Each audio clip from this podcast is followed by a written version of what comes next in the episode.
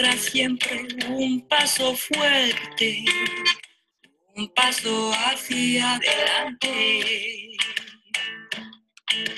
Dos pasos me voy sin mirarte, tan lejos pise. Herkese merhaba, ee, hoş geldiniz. Hayatı Yeniden Keşfedenler Kulübü e, bizim yeni bir serimiz. Bu seride öncelikle ilk e, olarak bizler sizlerle konuşuyor olacağız. E, daha sonra da çok sevdiğimiz dostlarımızı, uzmanları burada ağırlayacağız. Biz de çok heyecanlıyız. E, bu çünkü yepyeni bir e, proje Ezgi ve benim için.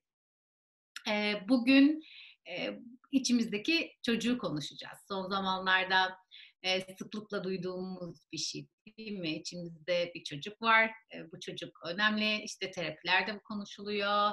E, pek çok belki sosyal medya hesabında insanların bunlarla ilgili yazdığı yazılarla karşılaşıyorsunuz. E, nedir bu içimizdeki çocuk? Bu içimizdeki çocukla nasıl bağ kurarız? E, neler yapabiliriz? Biraz bunlarla ilgili konuşuyor olacağız. E, ben psikolog Müjde Pek Saygılı Gezer. E, uzun zamandır 3 Psikolog 3 Anne platformunda e, sizlerle buluşuyoruz. E, bizim bebeğimiz biliyorsunuz 3 Psikolog 3 Anne. Onun yanı sıra ben de online olarak dünyanın farklı yerlerinde yaşayan danışanlarımla terapilerimi sürdürüyorum. Aynı zamanda kendi hesabımda da zaman zaman yazılar paylaşıyorum. Sevgili canım, ortağım, yol arkadaşım Ezgi, sen de söylemek istersin. Evet, herkese merhaba. Yeni bir e, soluk, yeni bir projeyle sizlerle beraberiz. Hayatı Yeniden Keşfedenler Kulübü. Bizim için çok heyecan verici bir proje bu. Ee, sevgili Müjde'nin de dediği gibi bugün sizlere açılış mahiyetinde e, giriş e, şeyimizi yapacağız, sunumumuzu yapacağız ama sonrasında konuklar almayı planlıyoruz. Sizlerin de önerileri olursa bizlere lütfen yazın. Hangi konukları dinlemek istersiniz? Biz de elimizden geldiğince o konukları sizlerle buluşturalım. Ben de e, doktor psikolojik danışman Ezgi Denizel Güven. Müjde ile beraber 3 Psikolog 3 Anne'yi kurduk. 2017 senesinden beri de sizlerle beraberiz. 3 Psikolog 3 Anne hesabı üzerinden paylaşımlar yapıyoruz. Ayrıca atölyeler düzenliyoruz. Bugüne kadar yüzlerce kişiyle atölyelerimizde de bir araya geldik. Atölyelerimizin bir tanesinin konusu içimizdeki çocuğu anlamak ve bağ kurmaktı. Tabii bütün psikoterapi ekollerine baktığımız zaman bu içimizdeki çocuk meselesi de ön plana çıkıyor Müjde'nin de dediği gibi. Bununla beraber hani bir klişe vardır ya hep e, psikoloğa gittim ve bana çocukluğunu anlat dedi. Peki neden bu kadar önemli bu çocukluk meselesi? Biraz ondan bahsedelim istiyoruz biz bugün açılışımızda. Çünkü çocukluk gerçekten çok çok önemli. E, Freud der ki çocuk insanın atasıdır. Peki Freud bunu niçin söylemiş? Çünkü aslında her şey çocuklukta olup bitmeye başlıyor. E, düşünün ki bir e, yazılımla e, dünyaya geliyorsunuz. Yani aslında insan zihni gerçekten bir yazılım gibi çalışıyor. E, bir yazılımınız var, bir ana yazılımınız var ve bu ana yazılımınız çerçevesinde de size bazı donanımlar yüklenmeye başlıyor. Açtınız, yazılım bazı programlarla geldi. Bu ana programlar işte diyelim ki sizin yazılımınız e, iOS ya da Android. Ancak o iOS ya da Android e, tabanlı diğer donanımları yüklemeye izniniz vardır. İşte çocukluk meselesi de biraz böyle aslına bakarsak. Biz dünyaya geldiğimiz zaman e, belli e, genetik kodlarla dünyaya geliyoruz. Bu bizim e, ana yazılımımız aslına bakarsak. E, atalarımızdan, ailemizden aldığımız bazı genetik özelliklerimiz. Buna mizaç da diyebiliriz aslına bakarsak. Bir ana bir yazılımımız var. Öyle tarif edelim. Ve biz bu ana yazılımımız çerçevesinde dünya ile çevreyle ilişki kurmaya başlıyoruz. Dünya ile çevreyle ilişki kurmaya başladığımız andan itibaren bu yazılım bazı donanımlarla yüklenmeye başlıyor. Eğer çevremizde e, ilişki kurduğumuz kişiler bize şefkatle, ihtiyaçlarımızı görerek yaklaşıyorlarsa, duygularımızı fark ediyorlarsa, bizi anlamaya çalışıyorlarsa, bakım verenimizle kurduğumuz ilişkide bakım verenimiz bizimle pozitif ve anlamlı bir ilişki kurma çabası içerisindeyse bizim yazılımımız pozitif deneyimlerle donanmaya başlıyor ve biz pozitif deneyimlerimizle hayata daha farklı bir şekilde bakmaya başlıyoruz. Yani alıcılarımız bizim pozitif olanları yavaş yavaş çekmeye başlıyor. Burada donanımı çekerken tabii biraz önce söylediğim gibi ana yazılım çok önemli. Şimdi bazı araştırmalar yapılmış. Bunlar çok önemli araştırmalar, neuroscience araştırmaları ve insanların iki farklı tiple dünyaya geldiklerini ortaya koymuşlar. Bunlardan bir tanesi negatif mizaç özellikleri yani negatif olanı algılama eğilimlerinin daha yüksek olduğu yönünde yapılan bulgular var. Bir diğeri de insanların bazılarında pozitif e, algılama özelliklerinin daha fazla olduğu yönünde. Yani biz yaşadığımız olayları nasıl algılıyoruz? Bu bizim yazılımımızda var olan bir şey ama çok önemli bir şey var. Ki yanlış hatırlamıyorsam Peirce'ın söylediği bir şey bu. Ee, bir çocuğun hangi e, yazılımla dünyaya geldiğini bilemezsiniz. Negatif de olabilir, pozitif de olabilir. O yüzden siz ona her zaman şefkatle ve e, pozitif bir şekilde yaklaşmalısınız. Dolayısıyla bizim e, çocukluğumuzda edindiğimiz deneyimler, çevreyle kurduğumuz, o bakım verenimizle kurduğumuz o ilk ilişkiler çok anlam taşıyor. Oradaki e, algıladıklarımız, e, çevreyi yorumlama, yorumlama şeklimiz, aldığımız iletiler, bunların hepsi bizim hayatımızı geleceğimizi şekillendirmemizin temel taşları oluyor aslına bakarsak. O yüzden hep e, 0-3 yaş ya da 0-5 yaş arasının çok önemli olduğunu söylüyoruz ya. İnsan zihni çünkü orada çok berrak. Alıcılar çok açık ve her türlü e, orada uyarıma da aşığız. Evet, evet. Orada e, biz record etmeye başlıyoruz. Yani senin e, hep eğitimlerde verdiğin bir örnek vardır ya. Radyo, kayıt, teyp örneği. Teyp kaydetmeye başlıyor işte. Aynen öyle. Yani daha çok e, küçük yaşlarda e, bizler bir sürü e, çevremizde gördüğümüz şeyleri kaydediyoruz. Ama onun da ötesinde e, şöyle de bir şey var. Hani her ne kadar ebeveynin e, yaklaşımı son derece pozitif olsa da aynı zamanda ne diyoruz? Çocukluğun kendisi örselenmiş. Yani ne olursa olsun, muhteşem ebeveynler de olsa, çok ilgili ebeveynler de olsa zaten çocukluğun gelişimsel olarak varoluşuyla alakadar bir örselenme söz konusu. Çünkü daha o evde büyürken işte birileri yürüyor, birileri kendi başına e, kendi işlerini yapıyor. Bunu görerek büyüyen çocuk zaten bir yetersizlik duygusuyla e, büyüyor baktığımızda. E, kendi algıları bu yönde. E, ama o içimizdeki çocuk meselesine baktığımızda ilk şey kendimizle aslında temasımız. E, benle o içimdeki çocuk dediğin gibi görüldüyse, duyulduysa, sevildiyse e, o zaman ben de gerçekten yetişkinlik hayatımda kendimle, e, kendi meselelerimle daha kolay e, halleşebiliyorum. E, daha rahat görebiliyorum ihtiyaçlarımı, daha rahat kendime ulaşabiliyorum, daha rahat kendime şefkat gösterebiliyorum. Ancak pek çoğumuz e, yaralıyız, yaralı çocuklarız. E, bu içimizdeki çocuk meselesi de gerçekten çok anlaşılır aslında. Yani e, seanslarda da öyle değil mi? Hani dönüp dediğimizde e, danışanımıza ya sanki içindeki çocuk incinmiş, e, sanki içindeki çocuğun ihtiyaçları görülmemiş dediğimizde e, herhangi bir ekolden bağımsız sadece şu cümle bile e, büyük bir farkındalık yaratıyor. Çünkü hepimizde var. Hepimizin içinde bir çocuk var ve muhtemelen yaralı bir e, çocuk var baktığımızda. E, bu nasıl oluyor, nasıl ediyor? Bu uzun bir hikaye tabii. Biz atölyelerimizde bunu işte sıklıkla konuşuyoruz zaten.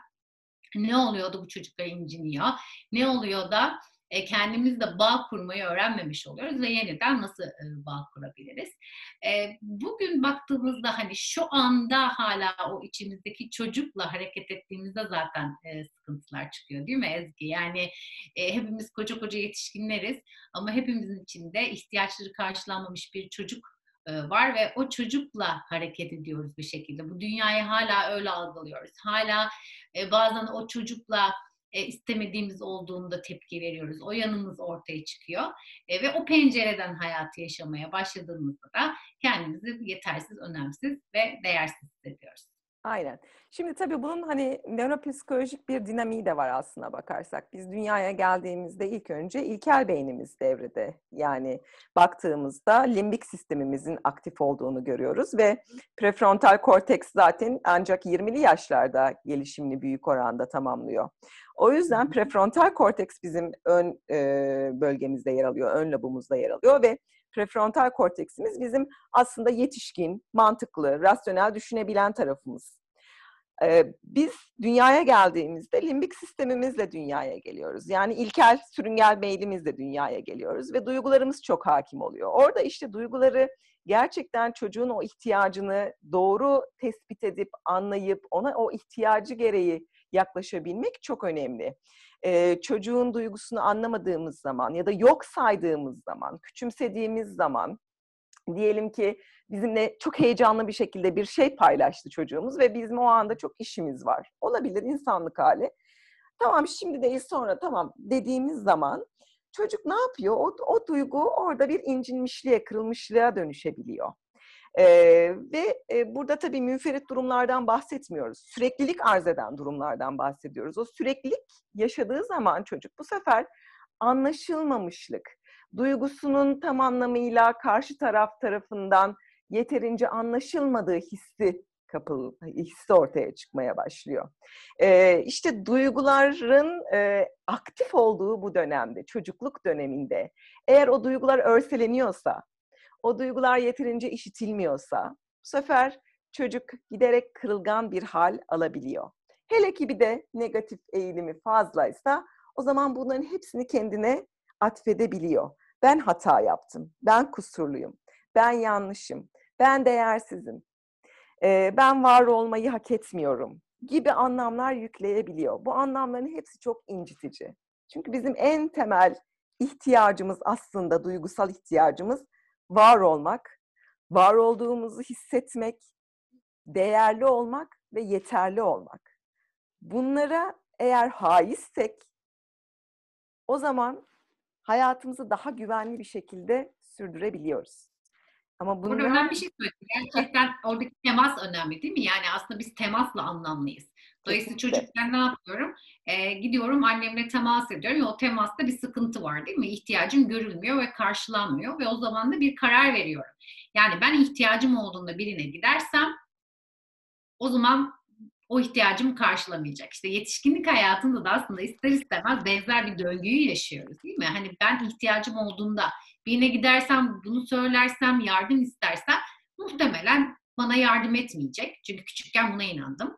E, ve dolayısıyla ne yapacağım? Yardım istemeyen bir insana dönüşeceğim. O zaman da o temasın eksikliğini e, yaşayacağım. Dolayısıyla evet. hani oradaki çocukluk deneyimlerinin en önemli kısmı tam da bu noktada devreye giriyor. Yani orada ne gördüm, ne yaşadım, ne deneyimlediysem bunları böyle zihnimde e, kutucuklar halinde hepsini bir kütüphane gibi düşün. Oralara koyuyorum kutulara kutulara. Her bir anı duygusuyla birlikte orada saklanır hale geliyor.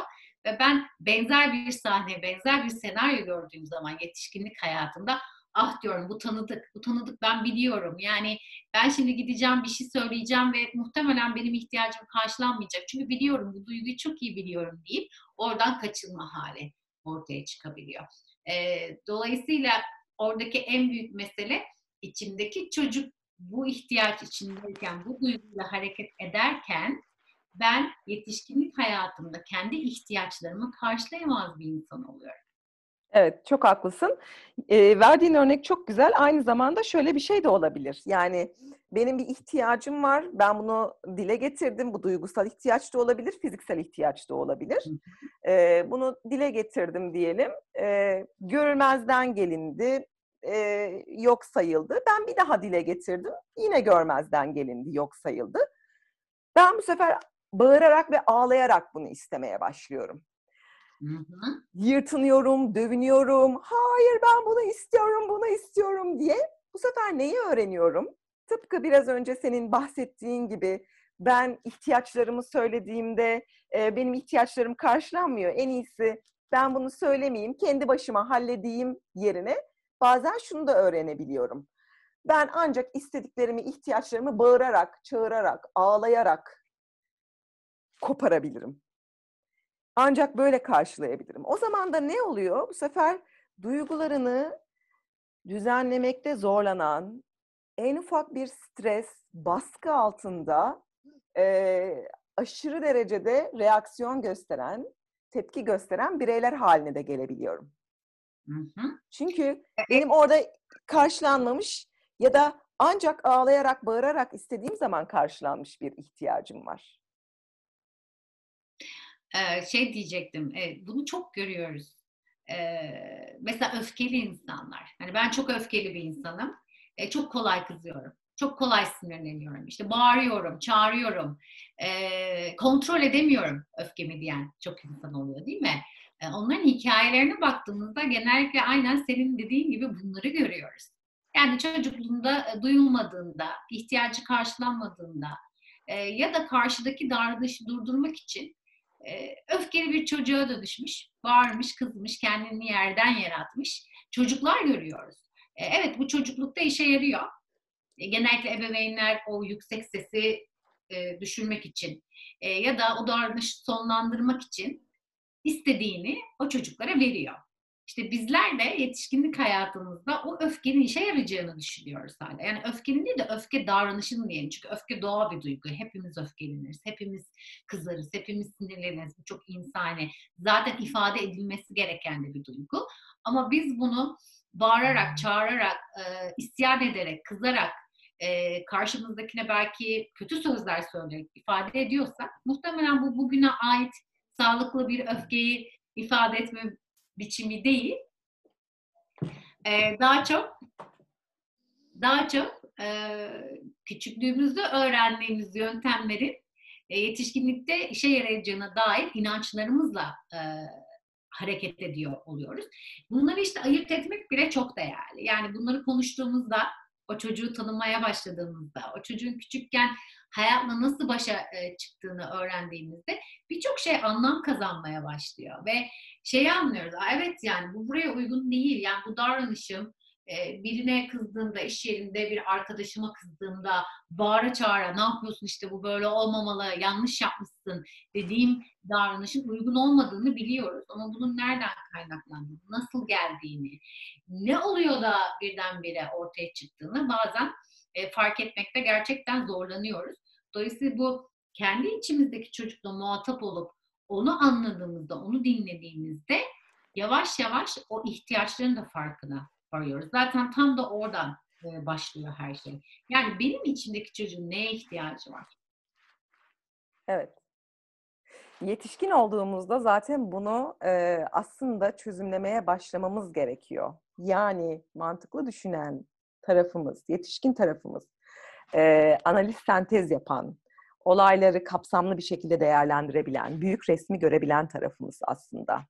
Ama ee, senin tıpkı biraz önce verdiğin örnekte olduğu gibi biz bir e, bize stres yaratacak, sıkıntı yaratacak bir olayla karşılaştığımızda devreye genellikle çocuk tarafımız giriyor.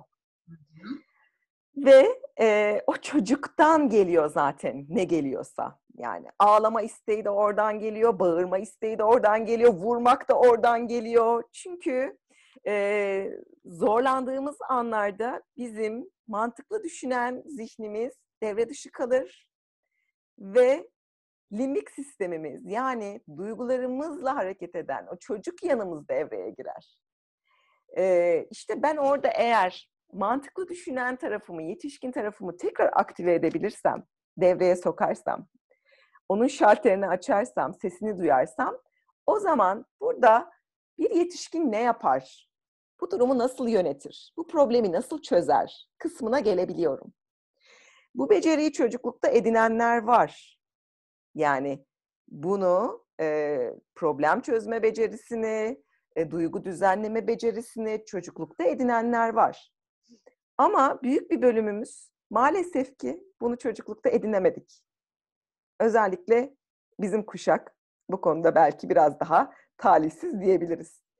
Evet çünkü duygulara çok izin verilmiyor değil mi? Hani evet. baktığınız böyle e, belki şimdiki çocuklar biraz daha şanslı, daha fazla kaynak var. Ebeveynler daha fazla e, bilinçli bir şekilde yaklaşıyor çocuk yetiştirme e, konusunda. Onu da bir başka bölümde konuşacağız tabii. Bazen de e, aşırı ebeveynlik dediğimiz bir kavram çıkıyor ama yine de daha bilinçliler. Duygu regülasyon nedir biliyoruz. Hani muhtemelen bizim ebeveynlerimiz duygu regülasyon, duygu düzenleme gibi kelimeleri bile belki farkında değillerdi. Dolayısıyla duyguların çok e, alan açıldığı bir yerde büyümemiş olabiliriz. Bu da tabii ki yetişkinlik hayatında bizi zorluyor. Ha bunları yapmak mümkün mü? Tabii ki çünkü bunların hepsi bir beceri aslında. Yani hani doğuştan evet getirdiğimiz bazı özellikler belki kolaylaştırıcı olabilir. Ama temelde baktığında bunların hepsi beceri ve geliştirilebilir bir durumda. Dolayısıyla dediğim gibi duygu düzenleme becerilerim çocukluktan itibaren e, yeterince gelişmediyse yetişkinlik hayatında birazcık daha zorlanıyorum. Ama bunları öğrenmek hani okuyayım da kitaptan öğreneyim. Hadi o zaman duygu becerisi için, e, duygu düzenleme için şunu yapmam lazım, bunu yapmam lazım da olmuyor bu. Hani okudum oldu, işte öğrendim, duydum oldu, uyguladım. Hadi yoga yapayım, hadi meditasyon yapayım, hadi o zaman her şey çok e, o iyi olsun şeklinde değil. Yani o içindeki çocukla muhatap olmadığın sürece, onu dinlemediğin sürece, onu anlamadığımız sürece ne yaparsak yapalım birazcık eksik kalıyor. Tabii ki bunların hepsi çok önemli. Bu arada saydığımız şeyler duygu düzenlemede. Ee, ancak hani neye ihtiyacın olduğunu anlamadığın sürece, o yetersizlik duygusunun nereden geldiğini fark etmediğimiz sürece işimiz biraz daha zor. O yüzden içimizdeki çocukla bağ kurmak meselesini önemsiyoruz. Aynen, kesinlikle çok haklısın. Ee, biz içimizdeki çocukla bağ kurmak meselesini önemsiyoruz. Onu anlama meselesini de önemsiyoruz. Çünkü bazen dediğimiz gibi o çocuklukta anlaşılmamış olan duygular, e, bizim de bastırdığımız duygular olabiliyor. E, biz ağlarken, üzülürken ebeveynlerimiz gelip şunu söylemiş olabiliyor. Ya niye ağlıyorsun? Canım ağlanacak ne var ya şimdi diyebiliyorlar ki çoğunlukla da dediler hani şimdi e, bunu yargılamak için söylemiyorum. Onların e, repertuarında o vardı, bilgi dağarcığında o vardı. Öyle yetiştirilmişlerdi ve onları bize e, belki biraz daha e, evrilerek, geliştirerek sundular. Hı hı. Ama biz de şu anda kendi mevcut e, birikimlerimizden, geçmişten getirdiklerimizle beraber, kendi ebeveynlerimizle kurduğumuz ilişkiden yola çıkarak kendimizi geliştirebiliyoruz ebeveynler olarak. Ee, şimdi bastırılmış duygularımız var içimizde. Ee, onlar anlaşılmamış, onlar kırılmış, incinmiş ya da e, ne şekilde, nerede e, duygusunu ifade edeceğini tam olarak öğrenememiş. Ama bunu öğrenmek için her zaman bir fırsat var. Şimdi artık Hı-hı. yetişkin olarak şu anda hem kendi içimizdeki çocuğa temas edebiliriz hem onunla yeniden bağ kurabiliriz. Onun ihtiyaçlarını görebiliriz. Hem de eğer ebeveynsek ebeveyn olarak çocuğumuzun duygusuna doğru şekilde temasta bulunabiliriz. Artık bunu nasıl yapacağımızı öğrenebilecek yaştayız. Geliştirebilecek yaştayız. Çaba gerektiriyor. Dediğin gibi kolay bir şey değil. Yani hani ben yaptım oldu puf diye bir şey yok. Keşke öyle bir şey olsaydı yani. Hani elimizde bir sihirli değnek olsaydı keşke ve birden e, değiştirebilseydik her şeyi. E, ya da o tatlı cadının burnunu böyle oynattığı gibi biz de bir şeyleri oynatıp böyle burnumuzu değiştirebilseydik. Ama bu mümkün değil. Yani gerçek hayatta bizim çaba göstermemiz gerekiyor. Mesela... Evet, çaba göstermemiz gerekiyor. O önemli bir şey. Tabii. Ee, sen devam et. Bir şey Hayır. söyleyecektin mesela ama ben sonra da bir şey eklemek istiyorum. Her şey diyecektim yani sen mesela kaslarının olmasını istiyorsun. Böyle şahane bir karın kasının olmasını istiyorsun. Ee, istediğin anda bu mümkün oluyor mu? Karın kasın gelişiyor mu? Gelişmiyor tabii ki değil mi? Çaba harcama. Ha yani spor yapman lazım, ağırlık kaldırman lazım, hareket etmen lazım. Ya da ben zayıflamak, kilo vermek istiyorum. Bu istiyorum diye birden oluşuyor mu? Oluşmuyor. Evet niyet ediyorum, ben kilo vermek istiyorum diye. Ondan sonra beslenmeme dikkat etmem lazım. Sporumu yapmam lazım düzenli olarak ki ben e, fit bir vücuda kavuşabileyim. E, psikolojik anlamda, e, sosyal anlamda beceriler de böyle gelişiyor. İstediğimiz anlamda. Yani anlat, şey, aslında tam da nöroplastisite dediğimiz mesele değil mi? Yani ben çocukluğumdan beri bir sürü okutucuklara anılar biriktirdim ve inançlarımı geliştirdim ve sürekli ne oluyor? Bir olay yaşadığımda o nöronlar aktive oluyor değil mi yani? Hani ben yetersizim, ben değersizim, ben önemsizim. Sürekli ben bunu bunu öğrenmişim, bunu biliyorum. İşte ben burada yeni bir e, şey geliştireceğim değil mi? Nöron geliştireceğim ama bu nöron diyecek ki hayır hayır sen iyisin, sen olduğun gibi iyisin sen olduğun gibi değerlisin diyecek. Ben bir tane geliştirdim burada koydum. Ee, evet biliyorum. Ama pat diye bir olay yaşıyorum ve yenisini değil eskisiyle e, algılıyorum. Çünkü burada milyonlarca e, nöron ateşlenmiş e, yıllardır ve ben o yoldan gidiyorum. Orası gerçekçi geliyor. Diğeri bana gerçekçi gelmiyor. O yüzden burada onlara rakip olarak daha fazla değil mi? E, nöron geliştirmem lazım ki kas gibi dediğin gibi ki bu da mümkün. Yani bu gerçekten çok özgürleştirici bir şey Ezgi. Hani e, eskiden değil mi belli bir yaşa kadar işte sinir sisteminin geliştiğine dair bir takım e, bilgiler vardı ama sonra öğrendik ki her zaman geliştirebiliriz. Her zaman yeni e, ne deniyor ona? Sinir sistemindeki yani nöronlar değil mi? Ağlar. Şey, ağlar. Sinir ağları. Sinir ağları geliştirebiliyor. Değişik sinir ağları yaratabiliyorum her şeyle ilgili. Bu muazzam bir şey baktığında. Dolayısıyla bu çok da özgürleştirici bir şey. Yani ben ne yaşadıysam yaşadım geçmişte. Evet bunlar benim için çok acıtıcı. Bunlar benim için çok zor. Bunlar baş etmesi çok çok çok zorlayıcı şeyler. Ama ben şunu da biliyorum. Yetişkin halimle sorumluluk alabilirim. Hani hep diyoruz ya başımıza gelenin bir önemi yok. Önemli olan bizim bunlarla ne yaptığımız, bunlarla hangi yöne gittiğimiz. Gerçekten bu çok özgürleştirici bir şey. orada kalmak zorunda değiliz. Senin bahsettiğin ebeveynlik meselesinde de onlar da bildikleri en iyi ebeveynliği yaptı baktığında. Anne babalarımızda olabildiğince ebeveynlik yaptı. İyi ya da kötü. Onlar geçmişte oldu ve bitti. Oraya bakmak evet değerli ama orada kalmak geliştirici değil, büyütücü değil, e, bize faydalı e, değil. E, tabii ki bu mesele affetmek meselesi de değil. Zaman zaman bu çok karşılaştığımız da bir soru. İşte ebeveynlerimi affetmeli miyim? Hayır affetmek zorunda değilsin. Ama geçmişte bugünü ayırt edebilmek mümkün. Onlar onu yaptılar. O orada kaldı ama ben yetişkinlik yaşamımda alamadığım ilgiyi, alamadığım sevgiyi, alamadığım e, e, teması kendime verebilirim. Bu gerçek. İşte o zaman da ne diyoruz? Yeniden ebeveynlik meselesi geliyor. E, Ezgi tabii bu konu çok uzun bir konu. Ee, ve biz e, bu şeyi de e, bu e, serileri de çok kısa tutmak istiyoruz özellikle. Evet. Yani evet. dinlenebilir olsun, e, devamı gelsin, e, çok da sıkmadan e, böyle birazcık giriş mahiyeti nihayetinde biraz içimizdeki çocuğu konuşmak istedik bugün e, bak. Ama dediğimiz gibi bu çok derin bir konu. Evet. E, eğer bu konu ilginizi çektiyse bununla ilgili daha fazla öğrenmek, duymak, kendiniz de çalışmak istiyorsanız gerçekten bu sadece kitaplarla olacak bir şey değil.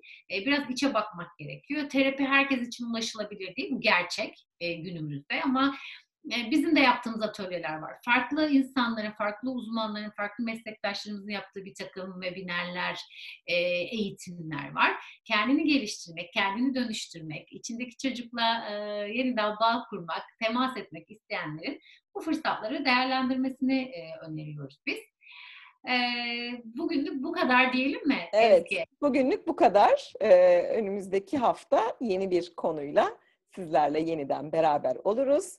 Ama e, atölyelerimizin de bilgisini verelim istersen. İki tane atölyemiz var şu anda. Diğeri de yolda. Üçüncü olan atölyemiz de yolda. Bunlardan bir tanesi içimizdeki çocuğu anlamak ve bağ kurmak. Diğeri yaşam senaryolarımızı farkındalıkla yeniden yazmak.